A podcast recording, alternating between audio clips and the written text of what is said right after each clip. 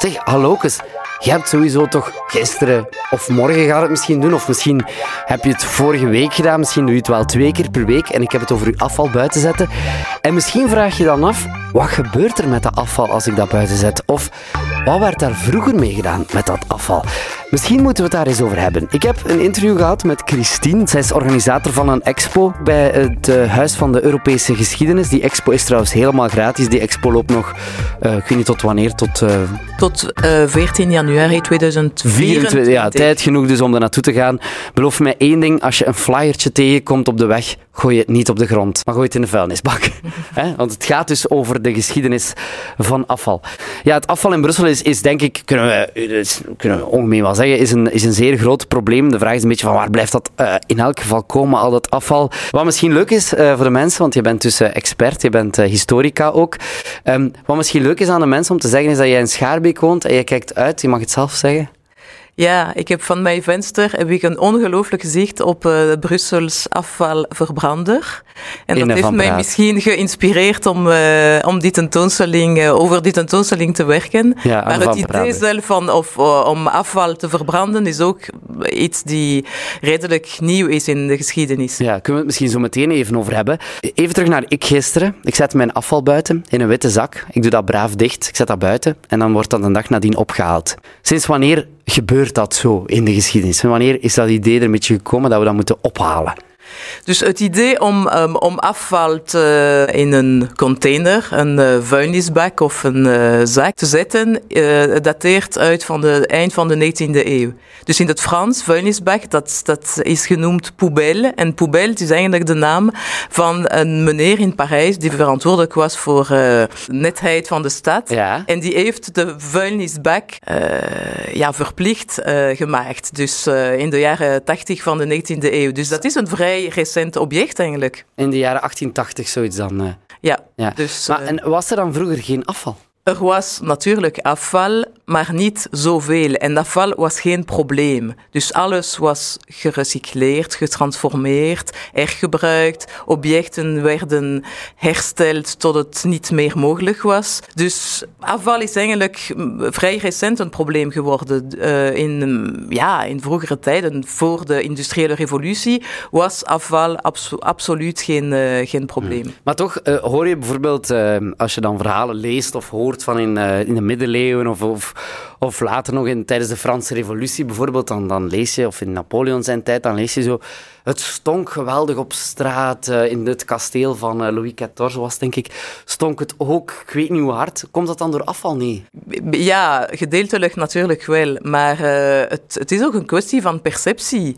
Dus uh, hij zegt het stonkt, maar het stonkt waarschijnlijk voor, voor ons vandaag. Maar op, op die tijden zo werden de percepties van wat is, wat is vuil, wat is proper, absoluut totaal verschillend eigenlijk. Dus uh, ja, ja het, er werden problemen natuurlijk. En er werden dingen die niet meer uh, gebruikt kunnen worden, die, die, die werden ja. weggegooid. Dus ik, ik wil niet zeggen dat het absoluut geen afval was, maar het was op een zeer kleinere schaal ook.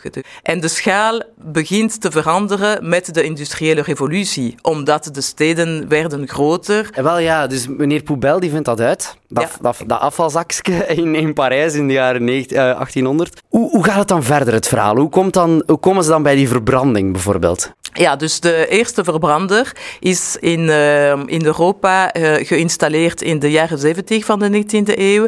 En de naam is interessant. Dus de eerste verbrander, dat is uh, ergens in de Verenigd Koninkrijk, in Nottingham. En de naam van die verbranders is de Destructor. En het is gewoon het idee dat met, met het vuur afval zal totaal verdwijnen. Ja. Dat is natuurlijk een, een droom of een illusie, uh, ook omdat het als, als jullie iets uh, verbrandt, er, blijft altijd iets. En eigenlijk, uh, ik zie dat van mij, vanaf mijn huis in Scharbeel, ik zie de rookte die, die, die van het verbrander komt. En dat is ook natuurlijk ook vervuiling, moeten wij zeggen. Dus er blijft altijd iets. Dus het idee dat afval zal totaal verdwijnen, is een droom ook van hygiënisten van de 19e eeuw. Maar heeft, mm, ja, het heeft andere problemen gecreëerd eigenlijk. Dus. Ja, welke problemen? Ja, vervuiling uh, vooral. Mhm. En ook het idee dat met verbranding is alles gemakkelijker dan wij kunnen meer afval uh, uh, weggooien. Maar we kennen ze allemaal, de mensen die ergens in, in, in de Walen of ergens in, in, in de Kempen of in West-Vlaanderen vuurken stookden in een tuin en ze wat een hele inboedelen in brand steken omdat ze er dan op die manier vanaf zijn. Ja, het, het begint met het eind van de, van de 19e eeuw, maar, maar vooral in de 20e eeuw met de ja, wegweb.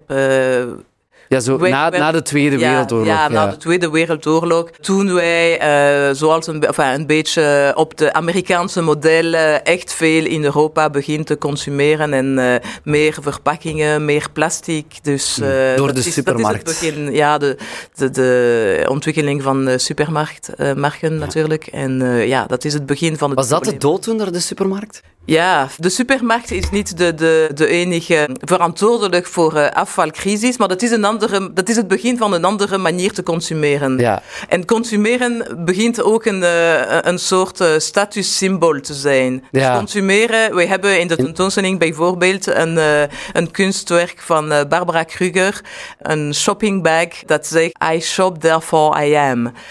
en ja. het, is, het is echt een ja, dat is idee. En, en, ja. dat is ook, ja, ik heb mij, nee, niet, ik heb mij Christine ook laten vertellen dat er op de expo, of dat je in de expo ook een, eh, een eh, vodkafles van Kate Moss vindt. Ja, dus uh, dat, dat, dat is een, een beetje meer recent object van, van de jaren 2000, uh, laten we zeggen. Dus er zijn eigenlijk in Frankrijk twee paparazzi-fotografen die het idee al in de jaren 80 gehad hebben om de foto's van de, van de sterren te fotograferen. Dus die, hebben, die, die zijn in Frankrijk begonnen met beroemde mensen in, in Frankrijk, maar dan uh, zijn ze naar Londen, naar Hollywood geweest. En ze hebben, zij, zij, nemen gewoon de vuilnisbak van beroemde mensen. Zij openen dat, zij arrangeren een beetje wat de inhoud van de vuilbak. En oh, dat zegt eigenlijk enorm veel over de manier van... Uh, Iemand zijn leven, ja. ja. Een beetje een manier om binnen de intimiteit van ja, ja, ja, ja. Dus, nu, er zijn blijkbaar ook heel veel vuile Europese steden.